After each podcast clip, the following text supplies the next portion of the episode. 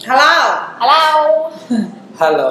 Eh, Belum lolos, belum lolos. Ini nih Kita masuk sendiri. Nah, ini greetingnya The Pineapple Dance halo. Halo. Ah, Oke oke. Halo. ya. eh, kita sekarang sama Om Om nih. Om Om, hai Om. Sebel dia. Om. Om. Gue juga sebel denger nyamun.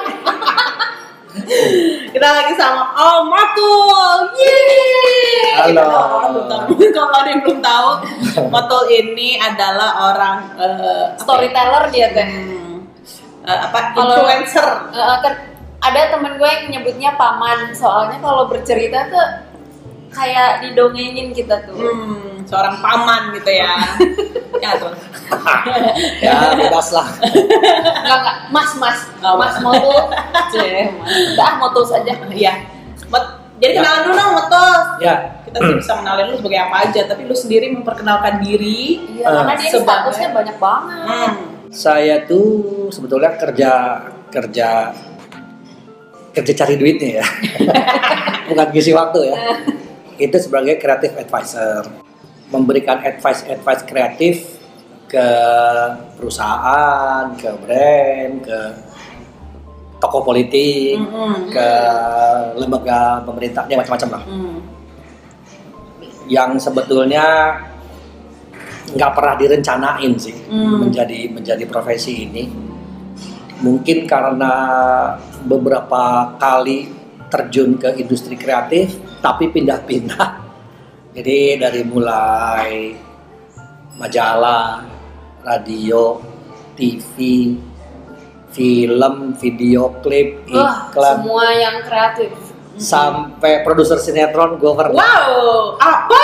Strawberry. Iya, iya, strawberry Iya pernah, tapi pindah pindah pindah media sampai akhirnya, oh ternyata ini banyak orang yang butuh advice tentang kreatif di media tertentu. Apalagi sekarang kan orang bilangnya apa ya multimedia, intermedia atau apa pun, jadi saling berkait nih. Mau bikin film harus ke ini juga, ke medsos juga, ke ini, ju- ke printing juga. Jadi, iya iya nah itu tuh Multi platform ya. Ah betul. Akhirnya ya sudah dari situ. Nah jadilah saya creative advisor Hmm. dan kenapa bukan creative consultant? Hmm.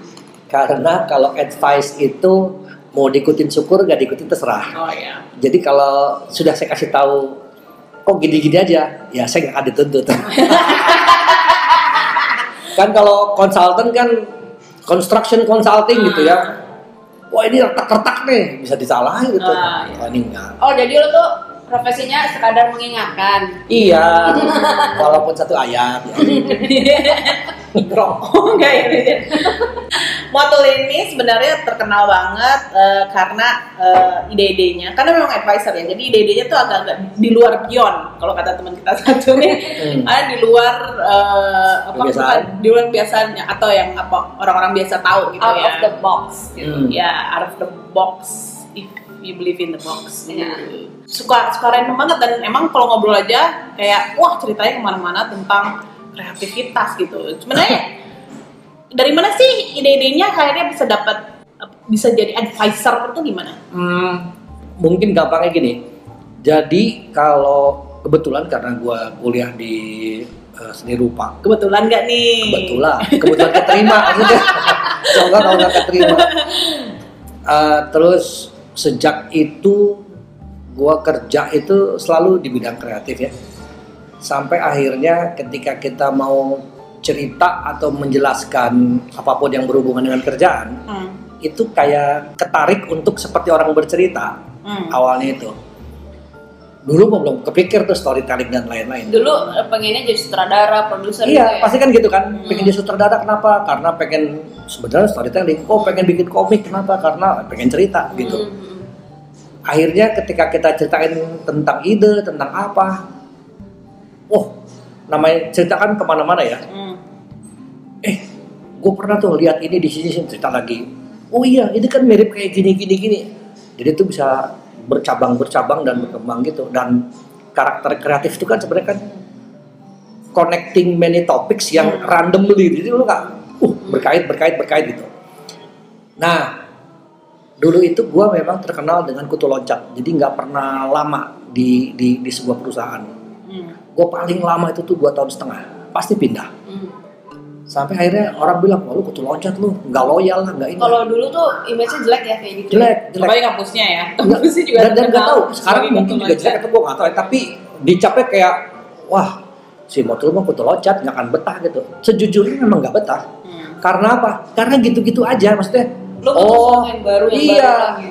oh gini ya udah. Pertanyaannya gini eh kenapa nggak kita bikin begini-begini? Nggak usah gini aja. Waduh gawat ya kalau cuma begini-begini aja mah gitu. Tapi kalau emang waktu itu perusahaannya mau cari challenging lagi inovatif lagi ah, mungkin seru tuh. Hmm. akhirnya udah sejak itu gue pindah pindah pindah. Eh ternyata setiap ditanya sama temen sama orang kenalan bercabang gitu. Hmm. Oh iya tuh ada kalau mau bikinnya kayak gini bagus tuh kayak gini kayak gini kayak gini kayak gini nah itu ternyata cara gue menjelaskan itu tuh mungkin orang ngerasanya kayak gue lagi cerita karena gue nyambung nyambung Jadi ba- banyak asam garam yang akhirnya seperti gitu disatuin gitu. ya. iya Karena pengalamannya di banyak bidang gitu ya. di banyak bidang di banyak klien di banyak uh, platform tadi nah dari situ uh, orang lihat jadi kayak oh iya ya oh iya dan kan orang cerita tuh lebih- jadi lebih mudah ya Hmm. Jadi bukan gue presentasi Hmm. PowerPoint. powerpoint gitu Iya. jadi orang juga kayak ngerunut ini nggak cerita aja gitu Hmm. nah dengan cerita relate yang mudah mau tanya atau mau nimbrung juga jadi mudah akhirnya dari situ mulai tuh orang sering tuh boleh ketemu nggak kenapa mau ngobrol doang padahal ngobrol kerjaan gitu Hmm. ternyata dalam rangka mau pitching menurut lu gimana ya gini gini gini gitu akhirnya udah gitu terus tuh lu mau nggak tuh gua ajak ke tempat ini gue lu lihat-lihat deh nanti menurut lu gimana pergilah gue nah mulai tuh seperti traveling tapi gue punya asupan-asupan baru gitu Hmm. Oh jadi maksudnya pergi-perginya tuh keluar kota segala. gitu? keluar kota kadang ke pabrik yang tempatnya juga aksesnya nggak boleh sembarangan orang Jadi ini lu dari kutu loncat menjadi orang yang loncat-loncat dari satu kota dan atau Eh. negara ke negara lain. Bukan Ah. hanya kutu untuk pekerjaan, tapi untuk sebenar-benarnya ya kota gitu ya. betul betul betul itu istilahnya pas tuh jadi emang dan ya awalnya mah dari kantor ke kantor dari bidang satu ke bidang yang lain itu bidangnya tuh bener bidang yang gua nggak pernah kebayang gitu jadi ya kayak tiba-tiba orang saham lah Hmm. Hmm. oke gue dengerin dulu karena gua nggak ngerti saham nih wah menarik nih diajak lah ke bursa efek lah Hmm. tapi kan jadi kayak Seru ya. nah Hmm. bayangin gini aja bayangin kan kalau traveler tuh kan bawaannya kan kuris aja ya Hmm. jadi diajak banget ke BI doang sih itu lu kayak lu sedang ke mana gitu ya kayak eh, istilah temen gua almarhum tuh looking through the foreign eyes Hmm. jadi lu harus melihat ini seolah-olah lu tuh orang asing di situ Hmm. Jadi B- bursa efek tuh lu kayak seolah-olah lu dari mana gitu ya. wah keren sekali ya jadi jadi norak tapi Ah. ternyata itu yang memberikan kita tuh hal-hal yang eh hal-hal kecil jadi jadi ternotis gitu Hmm. Berarti nggak pernah, bukan nggak gua nggak tahu kalau nggak pernah ya, tapi jarang sekali menolak tawaran mau seabsurd apa gitu, iya hayu gitu. iya biasanya gini Gampangan orangnya. enggak sih Familiar nih, familiar nih ya. Nah sebetulnya gini, sebetulnya dibilang gampangan ke mana aja mah ayo ayo aja. Hmm. Walaupun akan ada prioritas eh, ikut atau tidak ikut Hmm. itu atas tiga faktor. Hmm. Oke. Faktor pertama ini standar lah ya. Ini ada uangnya atau tidak? Hmm. Wah tuh nggak ada uangnya tuh eh. Oke nggak apa-apa. Hmm. Tapi eh, saya bisa dapat sesuatu yang baru atau exposure. Hmm. Tuh ini nggak ada duitnya tuh. Eh, yang ngajak siapa? Eh, NASA. Wow, misal ini lah. Langsung saya Mau nih kok kayak gini gitu. Nah ini gimana nih kalau nggak ada duitnya, nggak ada nama besar, sama nggak ada exposure. Oh tapi yang ngajak cantik, oh berangkat. Wah udah kal, bye. Langsung gitu. Lu pada jebak udah serius gitu ya. Gua suka nih Eh, kejujurannya. ya bagaimanapun traveling sendirian dengan traffic ada namanya beda Iya. Jadi lu bisa udah pernah diajak ke, ke tempat yang serandom apa sih buat kerjaan ini misalnya? Hmm, yang paling menurut gua paling random dan aneh itu adalah gua harus ke Pantai Jaya di Kerawang. Wow. Ayo kebayang nggak sana ngapain? Ayo. Apa ya? Kerawang gitu terus pantai. Aduh itu. Panasnya. Ya, oke. Buangan Jakarta. Satu ya, satu. Buangan Jawa. Panasnya iya. Terus eh, aromanya itu Gua nggak kebayang aromanya. uh itu Pabrik, eh, banyak pabrik. udah pabrik, Oh, sam- jadi banyak limbah gitu sampah, ya? Hmm. limbah, ya. Terus satu lagi adalah eh, pantainya itu pasirnya abu-abu Hmm.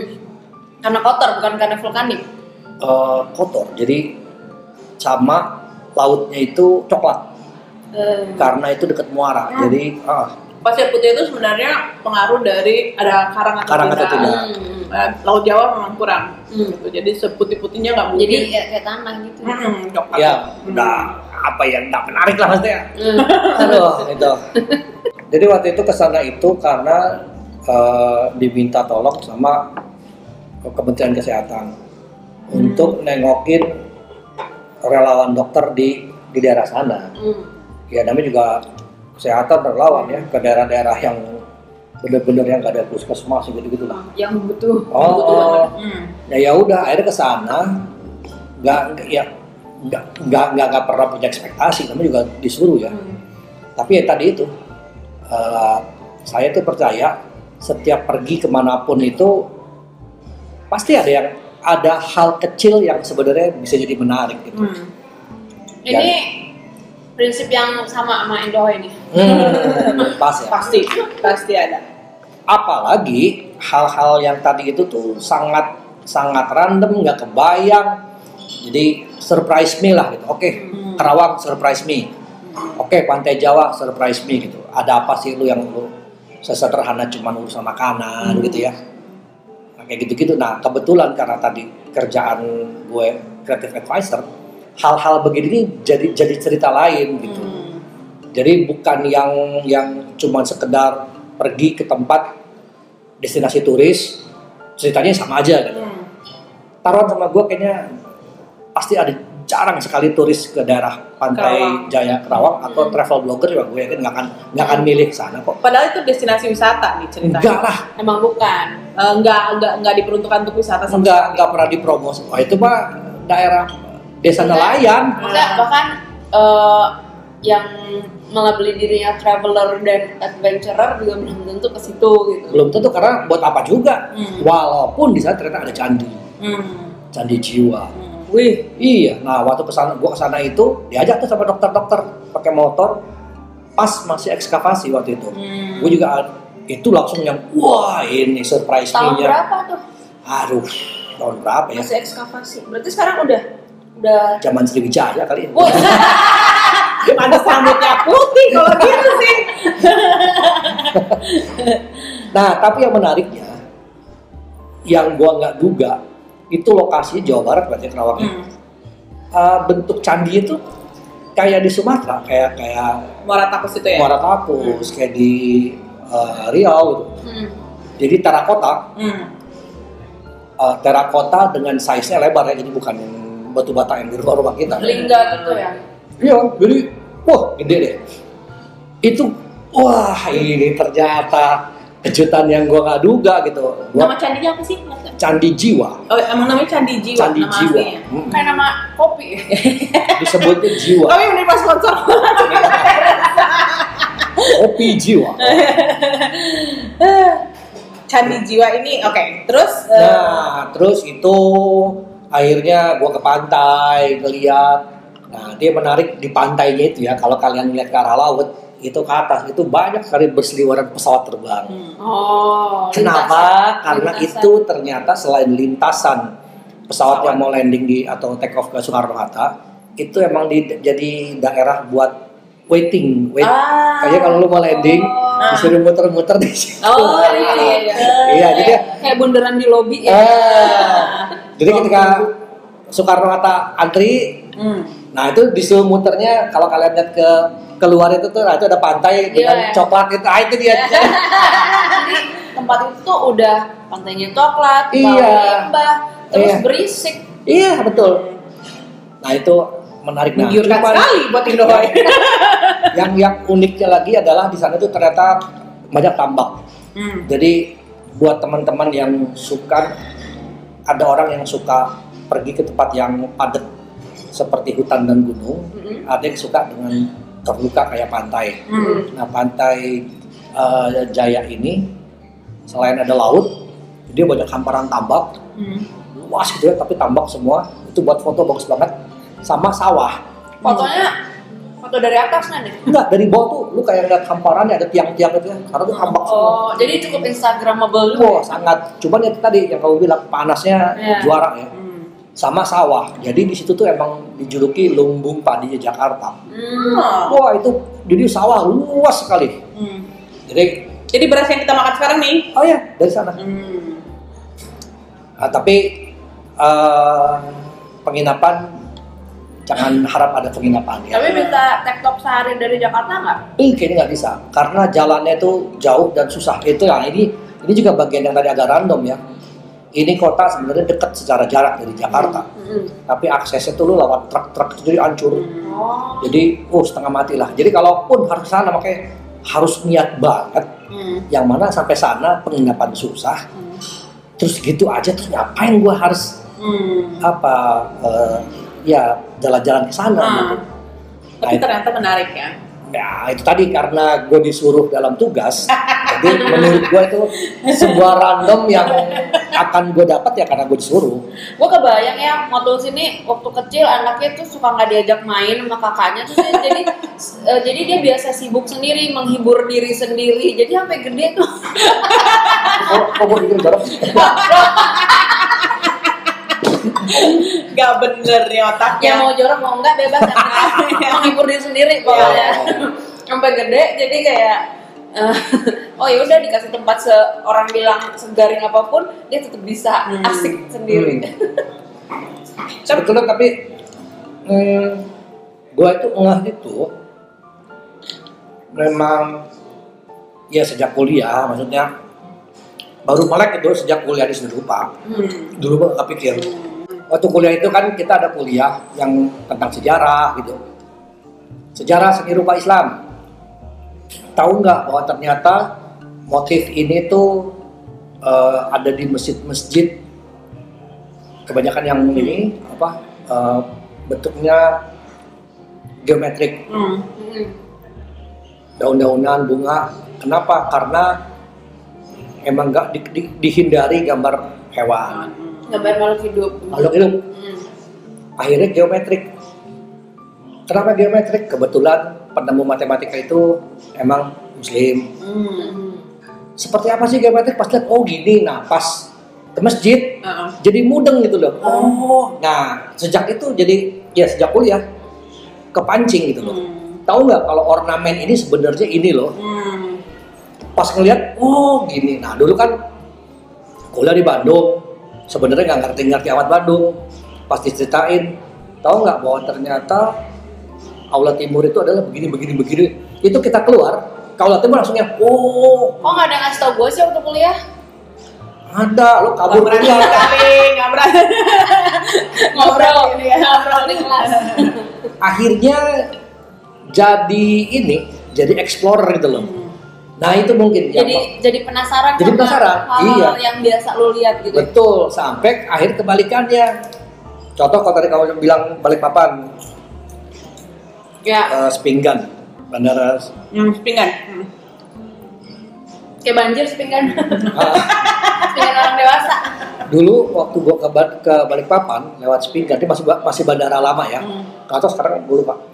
Itu gua agak yang oh keren, gila. Karena eh, kayu, Hmm. Wih, sekarang udah ukir-ukiran. Hmm, betul.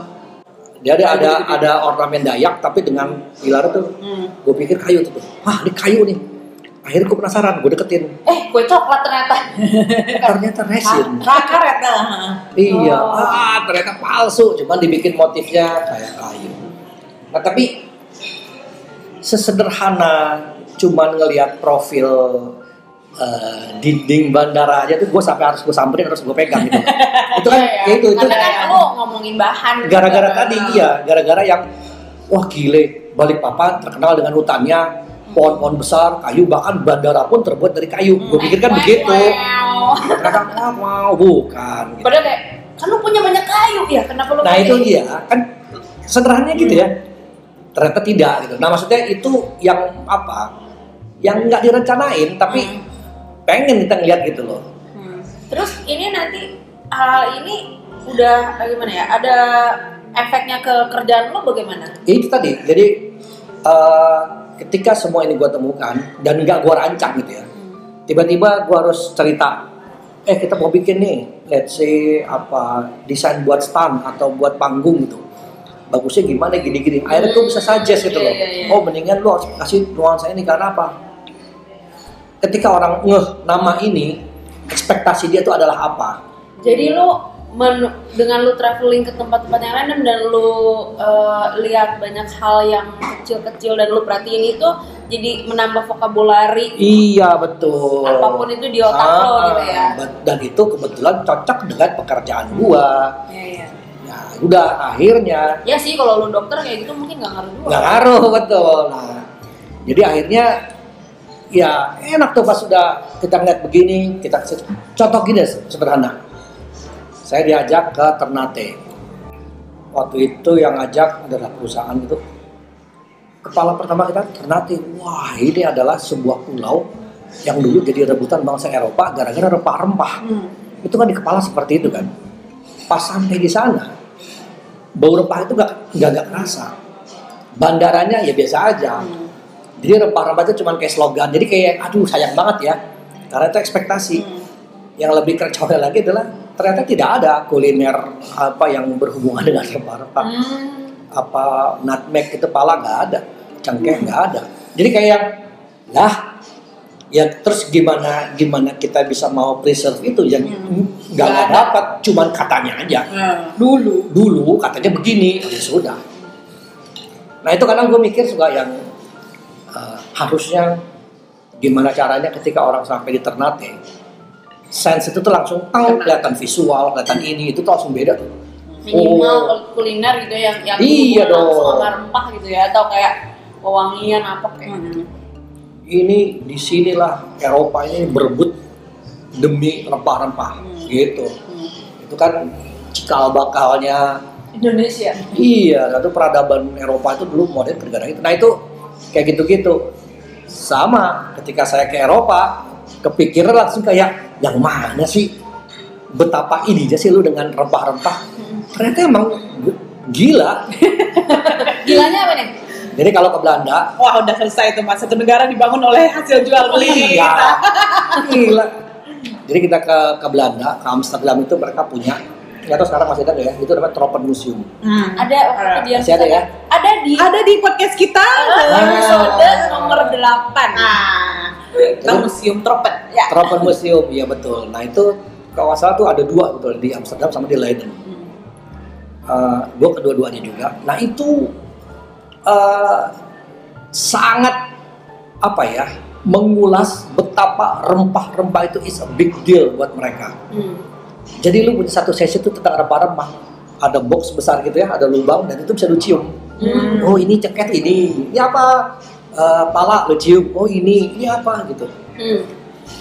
Sampai sebut terus bangunan itu bangunan tua, bangunan kayak kolonial gitu, ya, Heeh. museum. Nah di atasnya tuh ada kayak relief-relief gitu lah kan sebenarnya. Hmm. Nah itu tuh relief itu tuh orang Indonesia, gila tau kan? Iya ada petani, ada sapi, ada pemetik cengkeh, Itu kan tentang daerah jajahannya tropik, yang di negara iya, tropis, ya. Iya betul. Nah itu tuh paling besar Indonesia. Ya. Leiden juga begitu, Hmm. itu paling besar. Jadi koleksi Indonesia itu tersimpan di Leiden. Terakhir, Nah, itu justru ya. iya, terakhir yang keris itu Leiden, Hmm. for Kunde. Nah itu itu sama kayak gitu. Nah, jadi kita dapat korelasi saat lihat di sini, saat lihat di sana gitu. Dan, kita jadi lihat ini ya cara pandang bangsa lain terhadap Indonesia ya. betul. termasuk kebalikannya pernah ke ini nggak misalnya ke uh, apa Medan Istana Maimunah Hmm. Ke, ke Medan pernah tapi ke Istana Maimunah Ah. enggak? jadi Istana Maimunah itu di Medan ketop sekali Uh, bentuknya itu Maimun. Istana Maimun. Maimun. Istana Maimunah Maimunah Bet- Betawi. Salah itu ya. Bukan istana kayak nah itu istana tuh dari kayu profilnya itu tuh sangat Melayu lah. Hmm. bilang wah ini menarik nih. Jadi istana tapi bukan dari bukan dari batu gitu loh. Bukan dari itu kan kastel itu. Kan wah kayu eh. Maksud gue ke sana gara-gara ini menurut gue keren ini. Datang tuh wah. Bentar, lo ke sana kenapa? Sama diajak juga Hmm, oke. sama perusahaan rokok Murah. Mauan. iya, mau aja Aku gua juga mau sih. Kalau ngajak aku. terus oh halamannya besar kayaknya wah ini gagah banget ya jadi emang dibikin oleh orang yang paham istana Hmm. kira-kira gitulah wah gila gede banget Orang Indonesia atau Eh, yang bikin Heeh. ternyata bukan Oh, oke. Kan belum tahu kan terus Oh iya iya. ini waktu itu ada kuis di TV jawabannya Istana Maimun makanya gue ke sana waktu itu. Hmm. wah ini keren banget ini lihat gitu ya. layoutnya tuh beneran dibikin dengan tanah yang sebegitu besar jadi emang terasa megah gitu pas dideketin ternyata gila itu kayu mayoritas tuh kayu kayak rumah panggung Hmm. anjir ini keren amat gitu loh nah rasa penasaran gue mulai ketika gue ngeliat dari mulai kursi atau ornamen di pilarnya itu adalah eh, harimau eh sorry singa Hmm. Wah, singa Afrika. itu dia makanya bilang kenapa ada singa Kapan ada singa di Sumatera? Iya. ada si singa Mangaraja Oh iya juga. Itu pun bukan di Sumatera kayaknya, Pak. iya oh, kenapa Sumatera Di Singamaraja. Utara. Sumatera Utara Ah, iya. Hmm. Aku pikir Bali. Eh itu singa raja Oh. Oh, iya. Iya. Nah jadi itu kan gini loh, kok ini singa ya? Eh, baca akhirnya ceritanya, oh ternyata itu emang pemberian kerajaan Inggris. Dan Inggris memang simbolnya singa. Eropa itu kan Iya, singa iya. kan? Karena kalau Asia itu masih harimau. Hmm. Eh tapi Eropa tuh kenapa singa sih? Emang ada singa di Eropa? Bukan, jadi kan singa itu kan eh, lambang lambang victory ya. Raja Raja Sebetulnya gitu. iya. Sebetulnya ada itu dia eh, Lion King, Lion King, Lion King. Eh, Raja singa. Iya. Afrika, pokoknya jajah itu ada simbol-simbol pokoknya udah. Oh daerah jajahannya ya. Ya. Nah itu akhirnya pas gue lihat, oh ternyata gara-gara itu, jadi dikasih kebetulan arsiteknya itu emang eh, bukan yang kaleng-kaleng, jadi wah ini karena ini Melayu, jadi harus dibikin perpaduan antara, ah itu kan jadi bagus tuh ya. Jadi bentuknya tuh tetap kayak rumah panggung Melayu, tapi tetap megah, tetap istana tuh. Nah itu tuh menurut gue hal-hal gitu yang membuat gue tuh tertarik Hmm. dan ketika ngelihat ke Jogja keratonnya beda lagi Hmm. karena lebih ke uh, Belanda gitu. Ketika kita pergi ke mana misalnya ke Kamboja beda lagi kenapa? Prancis, ah, Vietnam, Ya. beda lagi. Tapi kalau kita nggak mudeng, ya terus kenapa emang? Kota kota tua kota tua aja gitu. But, tapi berat, sebenarnya yang menarik sini kan sebenarnya kan kan lu mauan ya. Ah, yang sebenarnya adalah eh, apa garis benang merah dari semua perjalanan kebanyakan perjalanan lo adalah kerja Hmm. dan akhirnya sebenarnya eh, perjalanan apa namanya melakukan untuk pekerjaan tuh menyenangkan sebenarnya buat lo jadinya. Betul. Akhirnya jadi Kamu kayak workaholic ya? Ya gimana alias travelholic lo jadinya sebenarnya. Workaholic Bang. travelholic.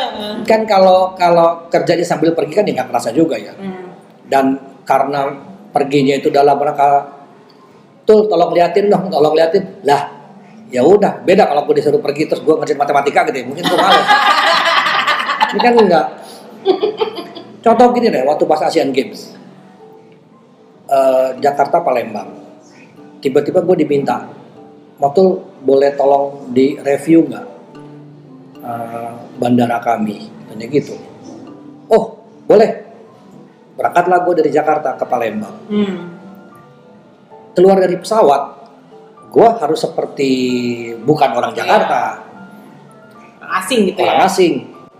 Jalan aja itu seolah-olah saya nggak tahu loh ini gitu. Nah, acting acting. Ting, kebetulan memang karena gua backgroundnya kan desain produk. Hmm, jadi gua belajar namanya ergonomi. Hmm. nah itu tuh user itu tuh hmm. UI. iya. User experience. Jadi kayak misalnya gini Eh, kalau orang teknik itu UX UX. experience. Jadi gini insinyur atau engineer itu adalah bagaimana membuat benda ini jalan. Hmm. Desainer membuat bagaimana supaya benda ini bisa dipakai. Hmm. Hmm. kira-kira gitu. Bisa dimengerti. Bisa dimengerti. Dipakai oleh siapa? Nanti beda nih. Oleh bapak-bapak oleh ibu-ibu ah, misalnya. Ba- waktu gue jadi di bandara itu gue beneran jadi kayak usernya aja. Hmm. terus gue bilang eh ini kalau gue orang Jakarta gue nggak tahu lo mesti ke mana. Hmm.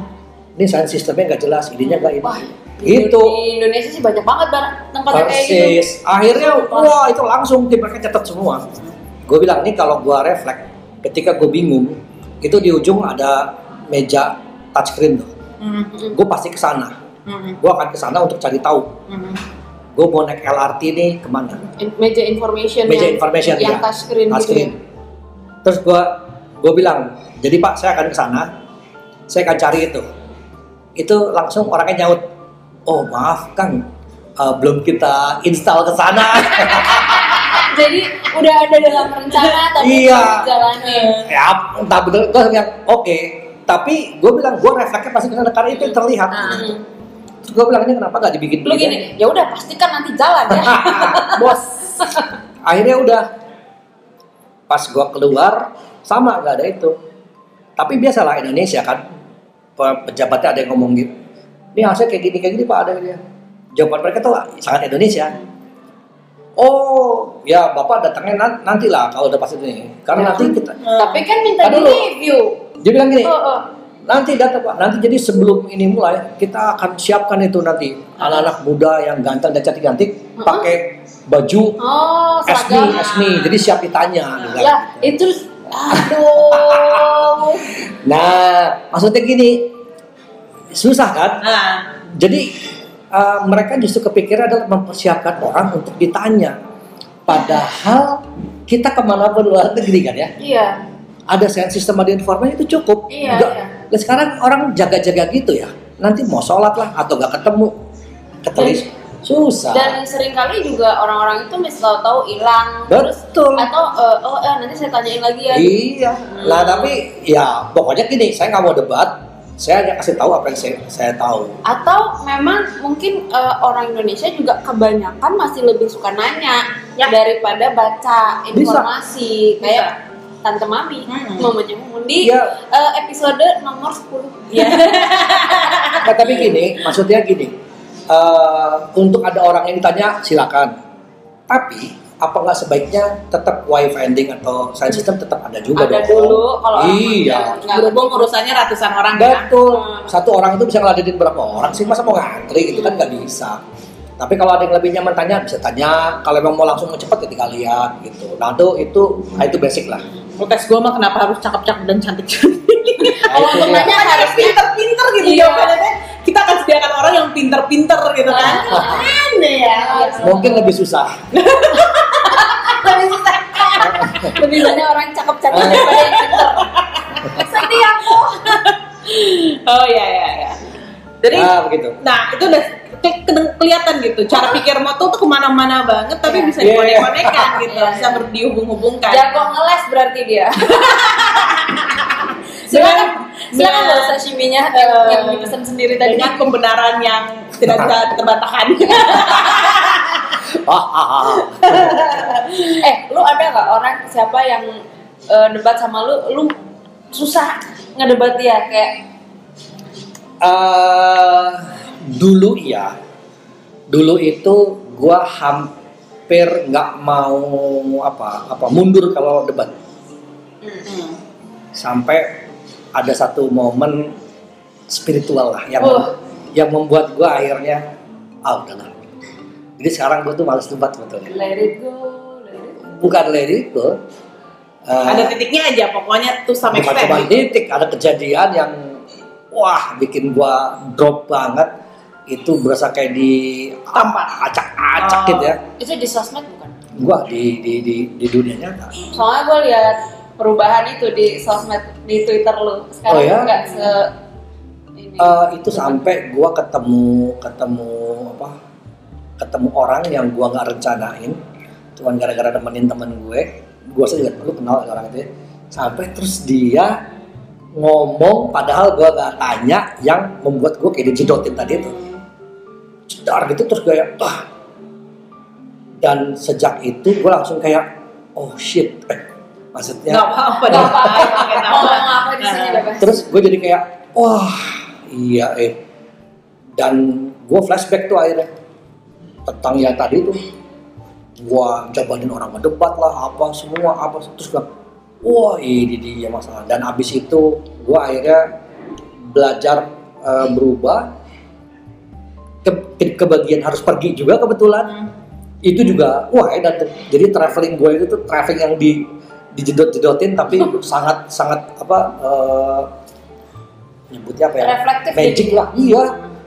Jadi tiba-tiba random gue ketemu inilah ke ziarah ke makam si ini lah kayak gitu-gitu.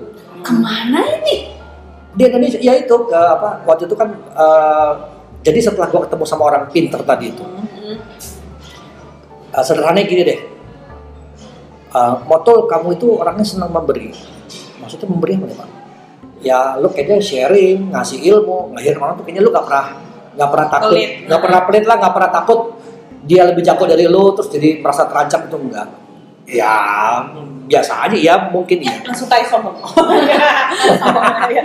udah lama nggak Nah tapi dia bilang eh, kalau mau tuh mau ke depannya lebih lengkap, selain motul memberi, motul juga harus mau terima. Ya pasti mau lah, gue bilang gitu. Pasti mikirnya duit Apa pun, diteri- diterima ya kenapa memang. Eh ternyata dia bilang, sebentar dulu, menerima itu tidak mudah loh. Apalagi orang seperti motul, gue kaget kan. Hah? Maksudnya menerima yang kayak gimana pak? Dia bilang, motul harus belajar menerima dari yang paling sederhana dulu, yaitu mau mendengar. Iya. wow Terus gue bilang, "Eh, saya sih mendengar, Nah, kan? Jadi ketika motul dengerin saya ngomong aja, motul tuh sedang berpikir untuk ngasih apa Ah. jawaban. Padahal motul bisa loh, receive aja. Iya. Jadi terima aja, Ah. orang ngomong apa dengerin aja. Ah. dan nggak perlu komen kecuali diminta. Saat itu gue baru sadar. Jadi kenapa gue anjlok tadi itu, Hmm. gue tuh baru tolak sama, sama Hmm. cewek. Hmm. Dan cewek itu bilang, jadi per- dia pernah cerita sesuatu yang, iya dia pernah cerita sesuatu yang dia cerita. Oh iya makanya gini, makanya gini. Terus dia bilang, tuh lu bisa nggak dengerin aja? Oh iya iya. gue langsung yang, gue dengerin kok, gue bilang gitu. Enggak, mau tuh lu nggak dengerin. Loh, enggak, gue dengerin. Gue nggak sadar. Hmm. di situ gue kayak yang aduh itu kayak dijedotin ya nah udah jadi gue keluar dari acara itu gue kayak terngiang Iya. terus gue harus dengar orang gue harus dengar orang gue harus terima gue udah udah sejak itu gue eh, gue terima lo mau ngomong apa gue percaya nggak percaya setuju nggak setuju pasti gue dengerin Ah. jadi ada saatnya ketika lagi meeting dia ngomong nih hal yang gue nggak setuju gue diemin aja Ah. atau gue tahu sebenarnya nggak bisa deh tapi biarin aja Ah. itu sampai sampai ditanya tuh sama bos gua e, motor kok diem aja ada ada ada pendapat gak gitu. oh eh, ada sih Ah. Tapi beda masalahnya gitu.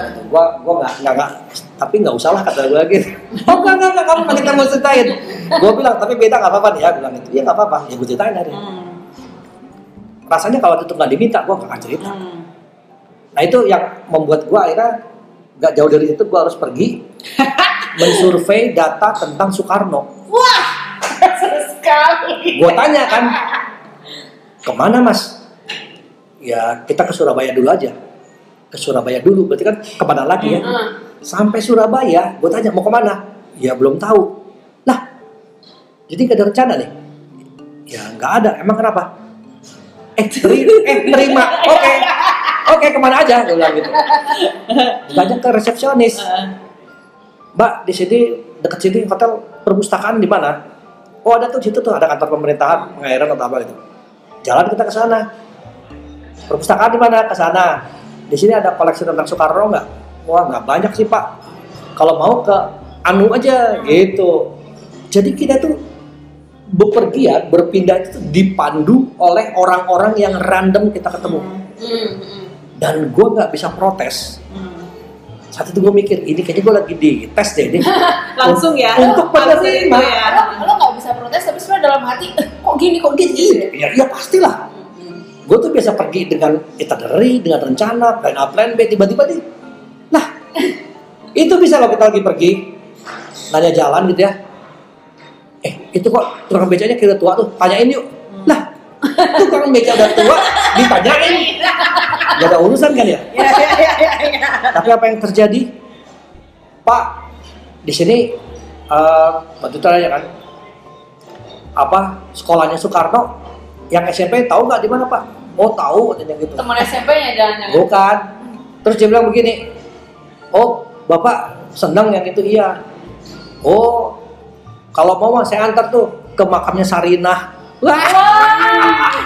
Tuh kan "Ah, ini random banget. Toto nemu yang iya. Oh yang jarang orang kita nyarinya itu tentang SMP ya SMP Soekarno mah udah lah kayaknya semua orang tahu. Ini makamnya Sarinah itu satu kawasan dengan kakeknya. Itu kayak ih gila. Jadi kayak nggak mungkin ini kalau nggak dipandu oleh apa alam atau universe atau apa gitu ya. Nah, itu susah jadinya. Nah itu kayak gitu-gitu waktu itu bisa gue jalanin karena gue sedang belajar menerima tadi. Rasanya kalau saat itu gue masih seperti motul yang sebelum itu gue masih protes. Hmm. ini ini ini ini nggak bener nih pergi lu nggak jelas gini sih. Hmm. dan gue tuh nggak hanya ngikutin lu yang ini ke mana sih mas ikutin aja tuh gitu. Sementara ini orang adalah peneliti di Yayasan Soekarno. Yang ya Soekarno tau lah ya kan dikit-dikit kan apa apa mistik lah ritual. Iya, iya. jadi dia dia tuh percaya bahwa itu akan ada yang nonton Hmm. gimana bisa nyambung sama gue tapi Terima aja. ah, ketika gue udah mengalami fase itu akhirnya gue ngikut jadi kerja gue tuh cuma motret nulis Hmm. penting sama nandain GPS waktu itu. Ya kan nggak ngerti teknologi ya. Udah dari itu gue bilang aduh ini gokil. Tapi nggak tahu itu menurutku jadi jadi eh, pembelajaran gue ya dengan bepergian yang surprise me tadi memperhatikan hal-hal kecil ya itu akhirnya. Hmm. ya karena udah pernah melewati jadi kayak ah ya udahlah misalnya. Itu lama, udah lama atau wah baru lama lama? Berarti selama perjalanan lu berapa yang terakhir-terakhir ini udah udah deh gitu random aja Iya. ajar gara-gara Ah, ah. kejadian itu. Hmm. nah jadi itu Jadi masa- ya tangan Soekarno langsung memegang bahu kayak sudah terima aja gitu Di, kan. dipupuk Soekarno. Ah. Nah, itu ya itulah makanya terus ya balik lagi tadi kalau debat-debat ada males lah gue gue rasanya tuh kayak bingung gitu. Ngedenger orang tuh kayak kalau dapet dinas tuh males-malesan gitu. Padahal sebenarnya orang kan bisa mencuri-curi kesempatan seperti itu ya melihat hal-hal kecil yang menarik ketika mereka melakukan perjalanan gitu. Terlepas itu pekerjaannya kan sih? Atau enggak juga? Atau perlu Enggak. satu tingkat kepenasaran yang tinggi? Nggak. Bisa jadi aku bukannya bilang kebenaran ya. Eh, kebetulan gue itu kerja nggak ngantor day to day gitu Hmm. 9 to 5 enggak jadi emang karena ada banyak tempat jadi akhirnya gue mesti bagi-bagi jadi gue tuh nggak ngalamin penatnya Hmm. berkantor Hmm. jangan-jangan orang yang dapat tugas pergi keluar kota udah day to day-nya kantor Hmm. Hambok ya pas pergi itu kan pengen relax ya. Ah. Hmm, malah dapat hotelnya hotel yang mungkin yang enak gitu ya nah sekarang misalnya disuruh pergi ke Pantai Jaya Kerawang gitu kan kayak ya Allah Iya. sementara Eh, eh. kerjaan di kantor tidak dikurangi. Betul. Padahal waktunya Iya. habis dipakai untuk di jalan. betul nah itu agak nggak fair kalau gue bandingin sih.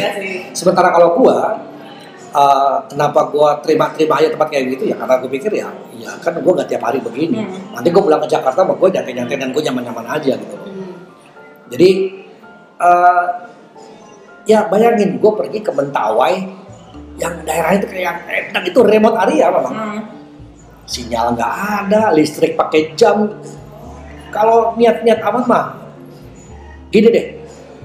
Gue pernah disuruh ke Tosari.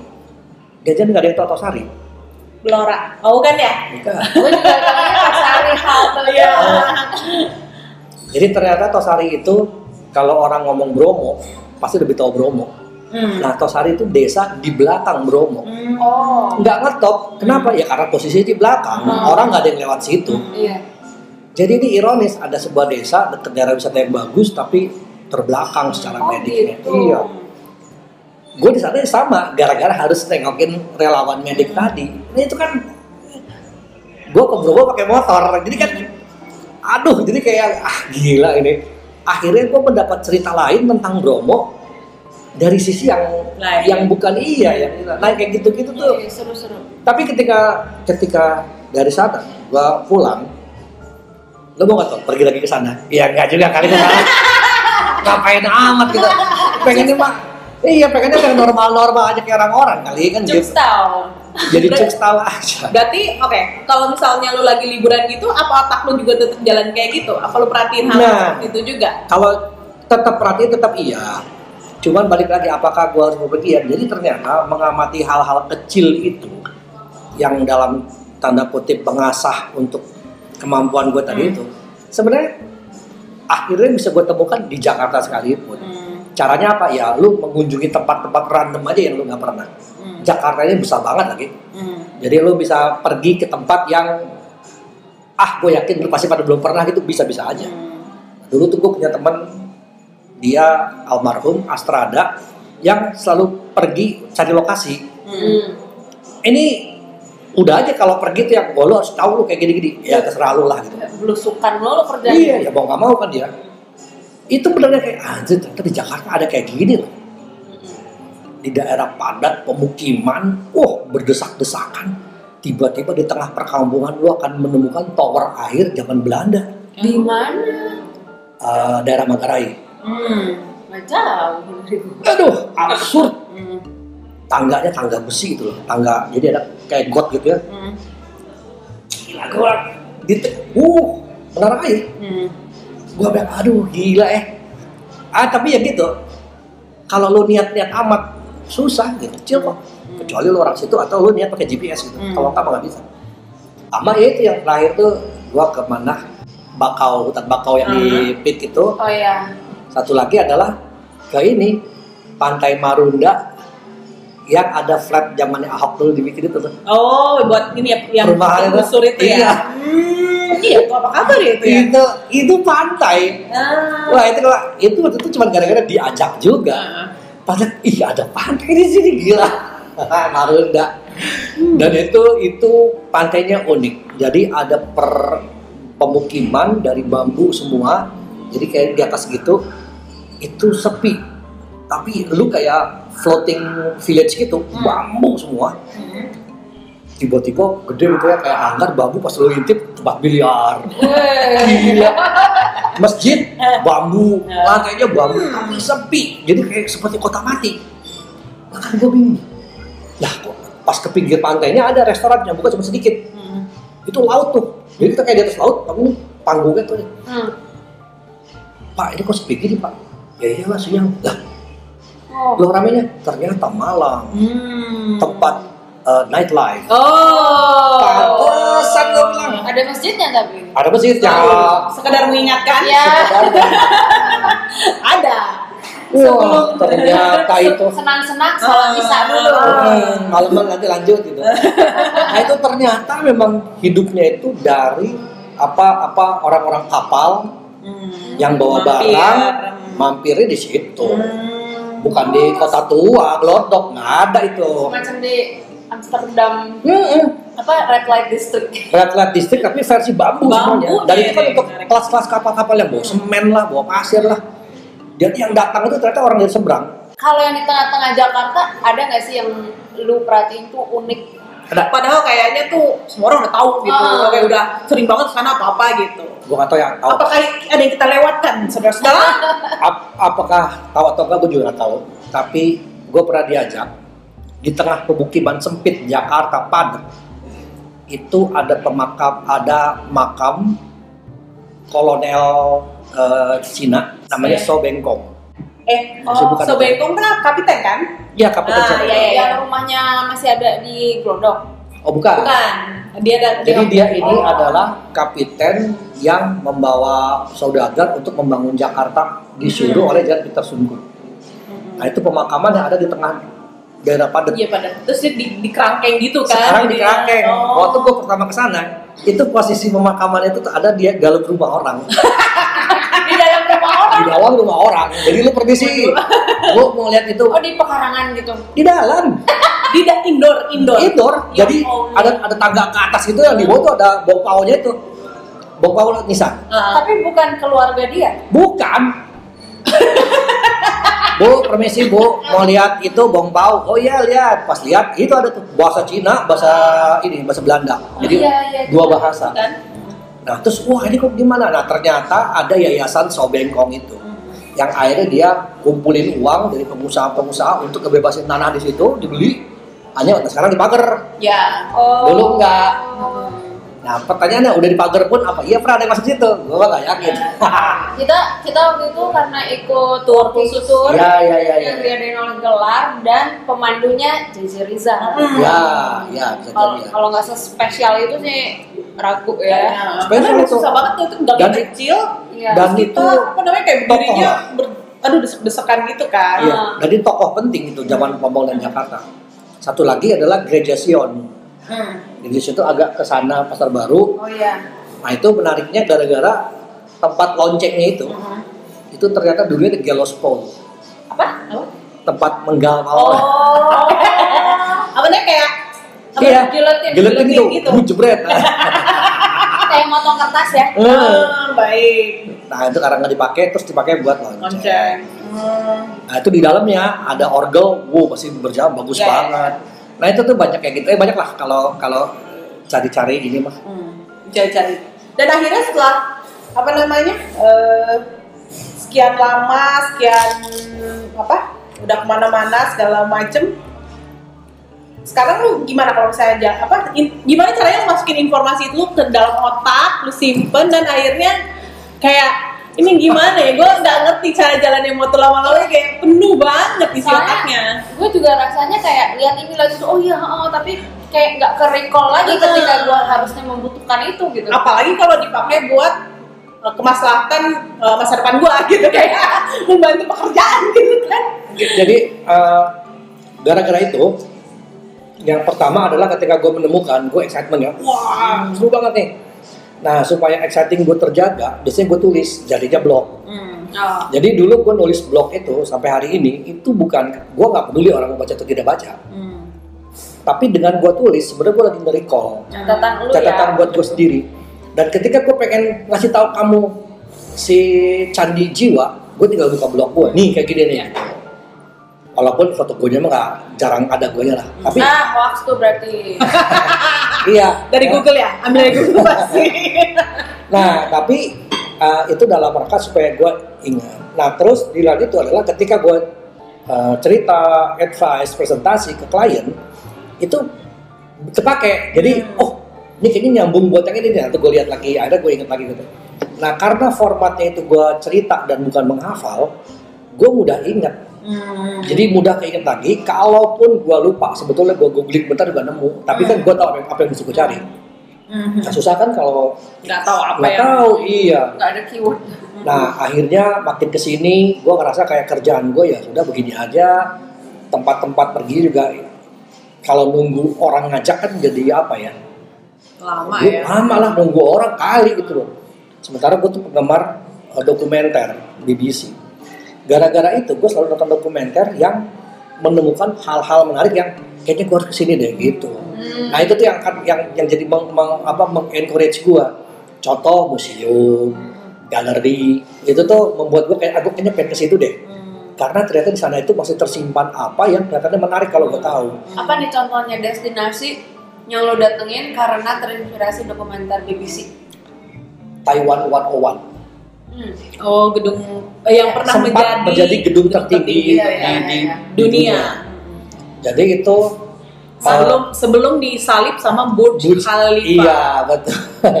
karena Burj Khalifa 102 ya itu poin tuh teman gimana nih jadi kenapa kenapa lo tertarik sama one on one itu Ya, jadi Taiwan Taiwan One on One itu gue tahu pertamanya itu tuh gara-gara gue nonton Nat Geo waktu itu. Hmm. Nat Geo itu menceritakan tentang bagaimana apa nyebutnya Hmm, lo- lokal apa? structure Iya. ya. Oh, Bagaimana membuat ini supaya nggak ini dengan konsep bambu dengan Hmm. konsep ini bilang ini canggih amat ya. Sampai akhirnya gue harus naik ke atas. naik loh. Naik dong sampai ke puncaknya itu sampai gue ngeliat si bandul besar itu tuh. Gue bilang, "Ah, dan eh dan dan beda ketika lo lihat di TV diceritain oleh TV dan lu kalau kasih tuh lu beneran langsung yang oh ini yang waktu itu dibilang begini begini begini kan kalau kita nggak nggak diceritain ya udah Oh justru Oh. karena nggak nggak ada backstory-nya jadi Iya. karena bisa bisa Iya. bentuknya emang ya gitu aja sih Emang sering kali gitu sih kalau ngeliat Hmm. sesuatu tuh apalagi yang kayaknya udah kuno udah atau bentuknya biasa Betul. aja.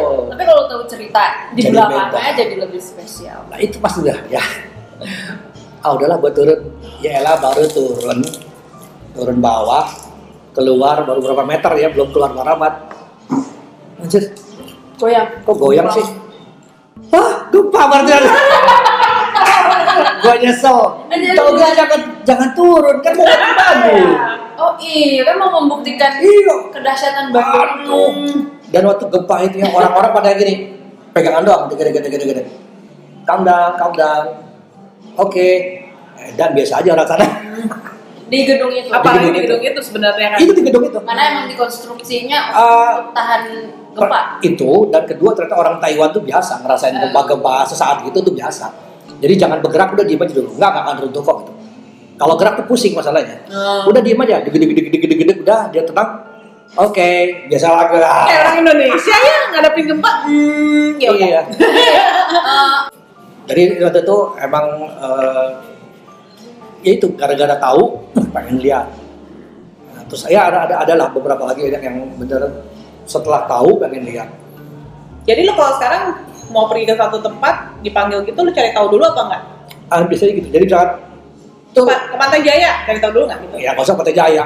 Tuh boleh nggak ke ikut nanti minggu depan ke Solo? Oh iya, nanti gue cari Solo apa nih yang gue nggak tahu nih. Ah. Bahkan gue suka iseng itu buka BBC Travel kah atau Nat Oh, iya, kah, iya, iya, langsung iya. gue cari Solo gitu loh. ini eh, Atlas Obscura. oh my apa? god Wah, lu suka deh. Jadi Iya, iya, iya. dia tuh sering ngebahas hal-hal aneh. Hmm.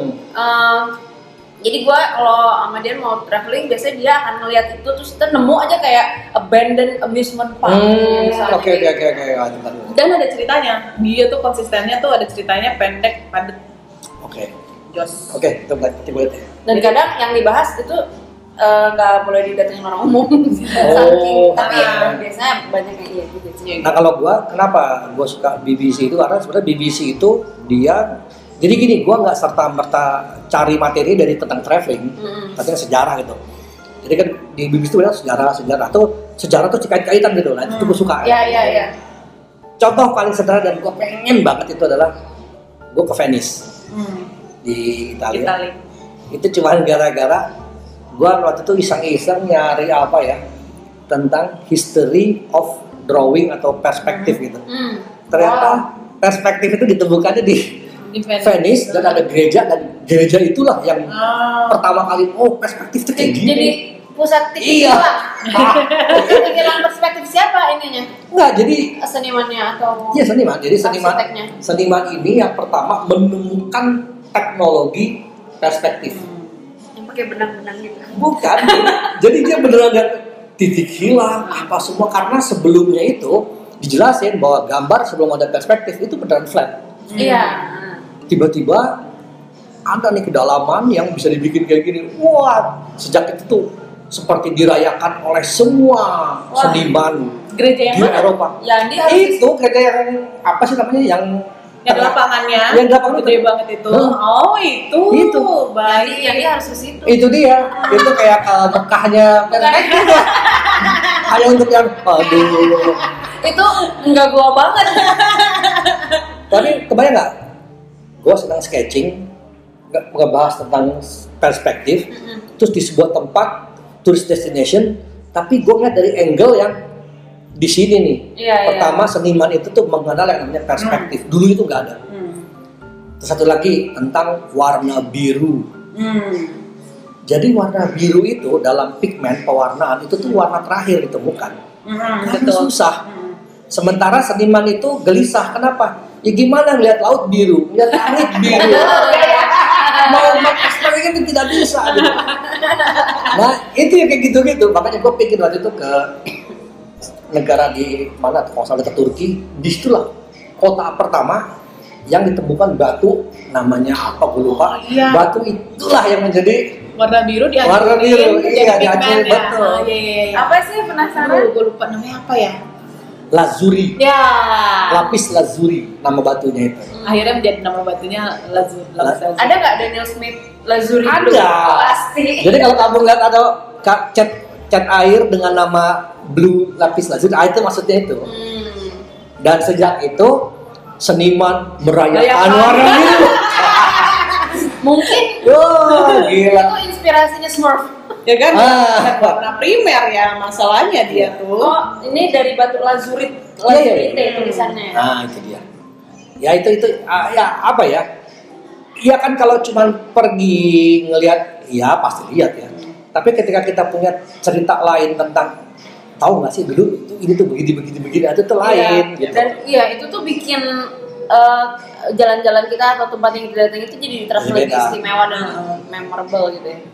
Nah itu ada yang gue kecolongan waktu gue ke Taj Mahal. Hah? Udah pakai pakai pemandu diceritain yang lengkap apa sebagainya udah sampai gue muter-muter udah pulang ke Indonesia nonton BBC Knowledge, nonton BBC Knowledge waktu itu. Kebalik urutannya. Ternyata gue ke belakang, gue inget banget gue ke belakang ada sungai, gue lihat ada sungai di belakang itu tanah kosong. Hmm. Ternyata itu bukan tanah kosong, Fir. Hmm. Jadi si Raja Shah Jahan itu Hmm. itu mau bikin mirrornya Taj Mahal di seberang sungai dengan marmer warna hitam. Wow. Ini kan putih, kejadian nih. kan keburu di penjara Iya sama sih. anaknya. Hmm. Jadi itu dia ngerancang itu, Wow. itu kan kegilaannya Raja Shah Jahan pengen bikin konsep surga di bumi. Hmm. Mewah dong. Dia bikin tuh si Taj Mahal. Ketika dia dibikin, naksir sama si Mumtaz Mahal ini, istri Istrinya. yang masih muda ini. Wah, ini buat istri saya aja. Saya mau bikin di belakangnya dengan marmer warna hitam. Ah, Gila. Nah, akhirnya udah tunggu ini selesai dulu. Baru ini selesai orang-orangnya saya suruh seberang bikin lagi. Lah ini marmer putihnya jadi ini dibawa dari marmer. Situ tuh nggak ada marmer. Nah. Jadi dia harus bawa 60 kilo Hmm. dari kota lain ke situ. Hmm. Pakai gajah. Hmm. Nah ini yang hitam ini lebih jauh lagi. Iya, yang hitam tuh marmer hitam di mana? Itu dia. Gila sih. Eh, Belinya di Ezenza. Silakan eh, Ezenza kalau mau Untuk iya kerja sama silakan colek-colek kita. Iya, kita menerima tehel kok. Oh ya, saya apalagi ya. gila, barternya teko. kita mah semua bisa. Semua bisa dijual kok. Ya. Oh, ya. ya itulah jadi nyesel kan, aduh nggak ngeliat tahu gitu. Harusnya Iya, tapi tuh. gue ngalamin mau gue udah riset kayak gimana pun yang gue bisa ketika pulang nemu Aduh, lagi oh, yang ya. lain gitu Selalu ada alasan untuk kembali kayak, aduh masuk dulu balik deh gitu kan. itu itu pastilah. Hmm. Ya tapi it- itu kan menambah lah, maksudnya menambah ini juga kita referensi kan. Jadi nggak pernah bosan untuk ke satu tempat. Malah nanti nyoba pengen balik terus. iya Terus tadi juga lo sempet cerita ini Hmm. tadi ngomong-ngomong soal tegel Ah, tadi lo sempet cerita nih sebelum kita mulai ini tentang batu granit hmm? oh, Itu nggak gua duga, nggak nggak gua duga-duga. Padahal gua juga kita ke situ kan ya. Iya, di Hmm. di Hanoi ya waktu itu Iya, gue jadi- sama Mumun ke situ cuman gue bahkan waktu itu belum tahu apa itu granit gue nggak Iya, iya. nggak ngerti gitu nggak jadi waktu itu ke Hanoi dalam rangka gambar-gambar. Ya Udah gambar-gambar aja kan. Mm-mm. Cuma waktu itu agak takjub bahwa ini ada apa old quarternya itu kota tuanya itu tuh kan kayak ini kok udah padat tapi hidup sekali ini katanya memang ternyata dibangun oleh zaman Prancis itu kan. Mm-mm. Namanya juga Prancis ya. Kita tahu kan ini kan itu bangsa yang terhormat dengan bangun apa pun gitu loh. Hmm, Nggak iya. nggak mungkin yang ecek-ecek gitu loh. Uh-uh. Terus pas ke daerah itu apa sih? Danau atau apa ya? Danau Botan Danau, itu lah ya. Hok, Hokim, Hok, Iya iya itu, Hok oke itu. Lake. Oke Black itu. Ya udah, itu tempat yang enak, nyantai apa semua. Itu mah seleranya orang Prancis lah. hmm. Apa duduk di bawah ini. Hmm. Nah, pas gue perhatiin waktu itu adalah kok ini eh, trotoarnya kok kayak di Eropa ya. Hmm. Susunan-susunan batu gitu loh. Kalau di kita kan pakai paving block Nah. gitu ya, itu kok ini aneh deh. Eh, kalau yang di Monas, Kalau di Monas bukan di trotoar tapi di jalanan dalamnya. Hmm. Tapi udah ditutup aspal kan ya. ah sedih terus terus. Nah terus eh, agak penasaran waktu itu. Akhirnya balik ke sana lagi, dilihat, oh ternyata bener. Jadi trotoarnya yang padahal dipakai sama PKL PKL tuh buat dagang itu, itu tuh batu itu beda. Hmm. Saya udah curiga nih, ini kayaknya batunya batu nggak main-main nih. Saya perhatiin pecahannya apa, ini batu solid sebetulnya. Jadi bukan bukan batu cor. Nah karena kebetulan itu acara sketching, jadi banyak teman arsitek yang ikutan. Hmm. Saya tanya lah ke mereka, eh lu perhatiin nggak sih trotoar yang di sini-sini? Oh, enggak sih. Ntar kita lihat ya kita. Pas lihat liatin. Kaget dia, oh iya gila ini. Jadi itu batu granit emang yang dipapas gitu ya, Hah? emang dibikin trotoar. Jadi dipapas hanya untuk jadi trotoar, Jadi ibu-ibu yang biasa eh, rumah orang kaya buat Butuh batu. untuk ini ya untuk meja masaknya itu granit di lihat nama jalan. cokel aja tuh. Dan itu uh, bukan cuma di pinggir uh, Hokkien Lake-nya. Jadi kalau lo ke dalam yang banyak pedagang kaki lima itu kan jalan biasa tuh. Ya itu batu semua. Hmm. Jadi trotoarnya itu Damn nggak merhatiin gua. Iya, jadi uh, gue mau gue foto. Hmm. Uh, trotoarnya itu batu solid. Secara bentuk mungkin gak terlalu Bukan ini ya? bukan yang ini, eh bukan uh, yang di Yang di tengah-tengah lagi ya? yang di pinggir jalan. Oke, ntar gue cari sambil cerita. Yang itu loh, yang tempat Hmm. yang tempat mobil yang ada gedung Yang- tua terus ada motor. Wah. Nggak ada kafenya tinggi itu Iya. kan, depannya KFC Yang kan. di seberangnya. Iya, tapi di situ kan-. Kata teman gue yang arsitek bilang batu ini mah lu tabrak pakai mobil juga nggak akan. jadi nggak akan yang nggak akan patah, maksudnya bocel iya. Tapi bocelnya pun Nggak akan bagus. Nggak yang akan retak, retak jadi gitu ya. kuat dan akhirnya nggak perlu ada anggaran buat bongkar pasang trotoar bilang oh pantesan ya awet Dan itu kayak di itu kota tuanya ya. kota tuanya Iya. Tapi kan emang banyak kota tua yang lantainya beda kan, emang kayak, Kayaknya kayak di Eropa apa gitu-gitu kan. Apalagi juga. kayak kalau di sini kota tua-kota tua yang kan jajahan Eropa ya, Ah. emang kayak bangunannya atau jalannya pun ya bikinan Eropa dulu standarnya kayak gitu. Oh, Iya. Emang kayak spesial aja emang ini ya jenis ini ya apa? Eh, Bangunan Paving zaman dulu Gini emang lah, di- di- bagus ya. di Belanda aja di kotanya yang masih batu tadi itu enggak Hmm. itu kayak apa nyebutnya casting ya jadi cetakan gitu Oh, ah. semen casting gitu Ah. jadi nggak yang batu digituin mungkin di beberapa daerah yang lama mungkin iya oh kalau kita ke inilah Bruges Ah ya. di Belgia Ah. nah itu Ya. batu tuh. Eh, ke cobble. oh Gua ke Gen. hand Ah, mestinya kalau hand ada kota tua pasti Iya, batu. biasanya. Ya. Pokoknya kalau ada yang kota tua di Eropa biasanya ada ada Itulah sebabnya ketika ke Eropa dan menginap di kota tua, jangan pakai koper geret. Waduh, benar-benar. Kodok, kodok, kodok, kodok. Hancur. Pakailah ransel atau kuling sekalian kalau Takduk, takduk, takduk. Aduh.